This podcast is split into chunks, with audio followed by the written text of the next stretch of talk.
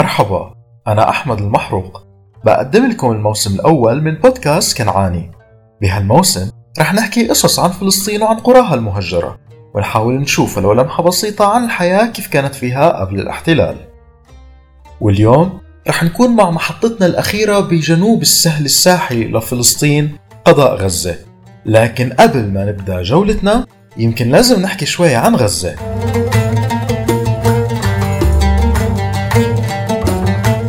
اختلف المؤرخين على سبب تسمية غزة بهذا الاسم واللي كان قابل للتبديل والتحريف بحسب الأمم اللي كانت عم تتبادل عليها. فالفراعنة مثلا كانوا بسموها غزاتو أما الأشوريين كانوا مسمينها عزاتي بالنسبة لليونانيين كانوا بيطلقوا عليها اسم فازا والصليبيين سموها جادرز أما العثمانيين ما غيروا من اسمها العربي غزة.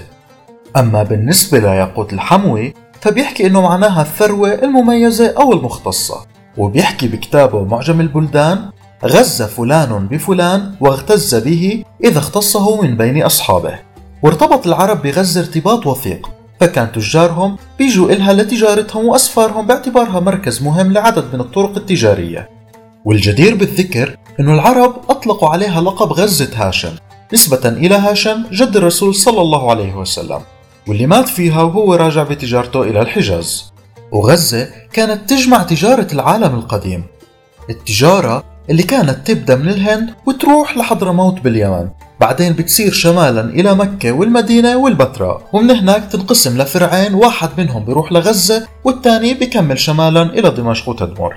وغزة ما كانت أهميتها تجارية فقط بل كان لها أهمية عسكرية كبيرة.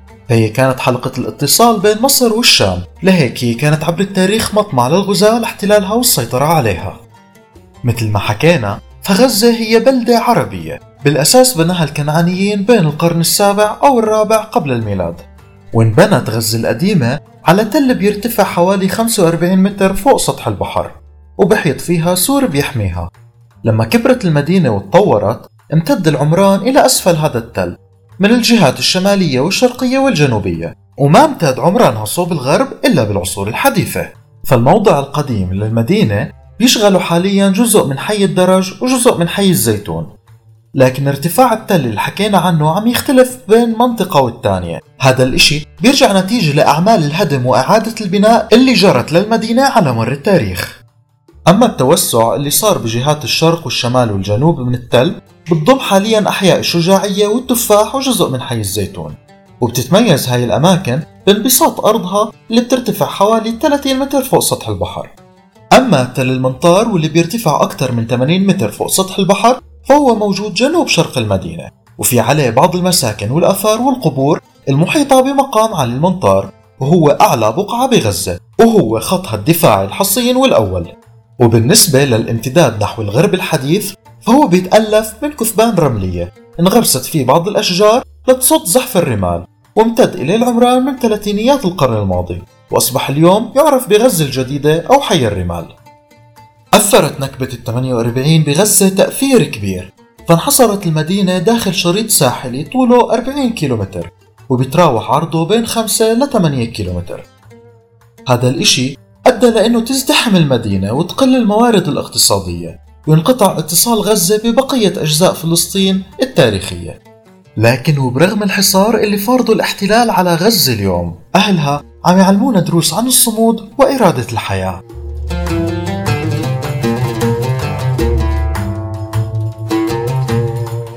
مثل ما حكينا فمشوارنا اليوم من قضاء غزة ورح تكون محطتنا الأخيرة بقرية هربيا وهربيا هو لفظ كنعاني بمعنى الكثرة والوفرة. وذكرها ياقوت الحموي باسم فربيا وهو تصحيف أو تحريف واللي نسب إلها محمود بن الفضل بن حيدر الفربياني واشتهرت هربيا بموقعتها العظيمة سنة 642 هجرية بين الصليبيين وجيوش الصالح أيوب واللي انهزم فيها الصليبيين وتسمت بحطين الثانية. قرية هربيا والوفيرة بالمي موجودة على بعد 15 كيلومتر شمال غزة.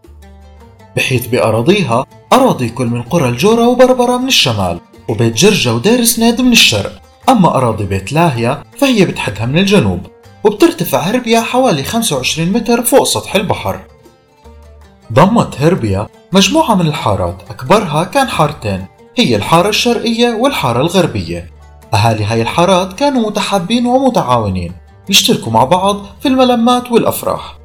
وبتتجمع بيوت القرية حوالين السوق والجامع والمدرسة بمخطط مستطيل الشكل.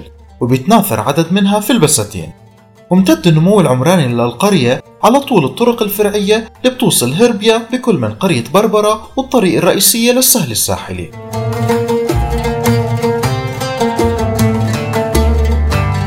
بعام 1945 وصل عدد سكان القرية لأكثر من 2200 نسمة. كان معظم السكان يشتغلوا بالزراعة وهربيا أصلا كانت تعتبر واحة زراعية بين الكثبان الرملية. وحققت الزراعة فيها نجاح عظيم جدا برغم التربة الرملية. هذا الإشي كان لتوافر مياه الأمطار والمياه الجوفية القريبة من سطح الأرض. وهربيا كانت بتشتهر بزراعة الحمضيات والعنب والموز وقصب السكر. هاي القرية ما كانت غنية فقط بالزراعة بل بتدل الآثار الكثيرة فيها على إنها كانت آهلة بالأزمنة القديمة. تشمل هاي الآثار على بقايا لبرج وأبنية وأحواض موجودة للجنوب الغربي منها. وأما للشرق شوي فموجود موقع بيزنطي هو خربة الياسمينة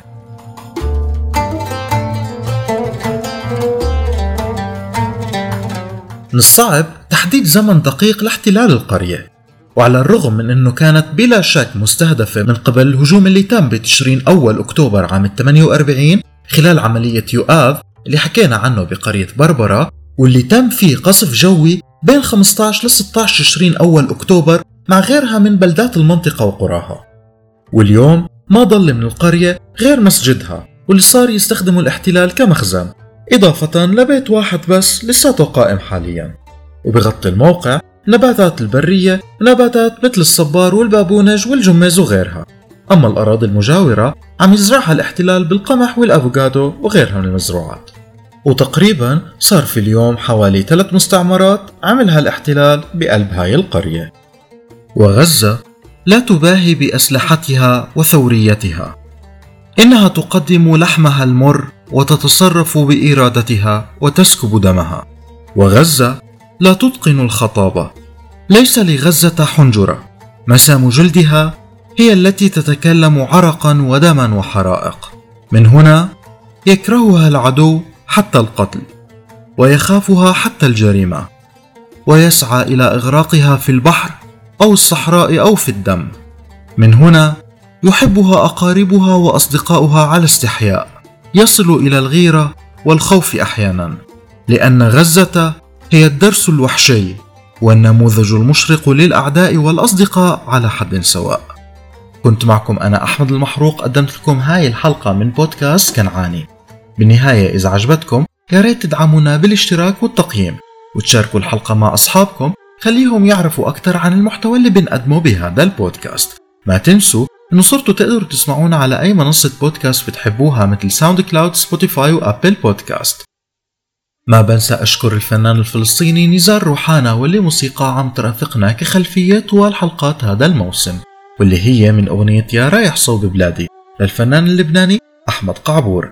شكرا جزيلا ونلقاكم مع بودكاست كنعان جديد. يا رايح صوب بلادي دخلك وصي السلام بلغ أهلي وولادي مشتاق لهم رب الحمام وخلي إني أنادي بعدها ممنوع الأحلام إلا أيام ببالي والله بتعز الأيام. إلا أيام ببالي والله بتعدي الأيام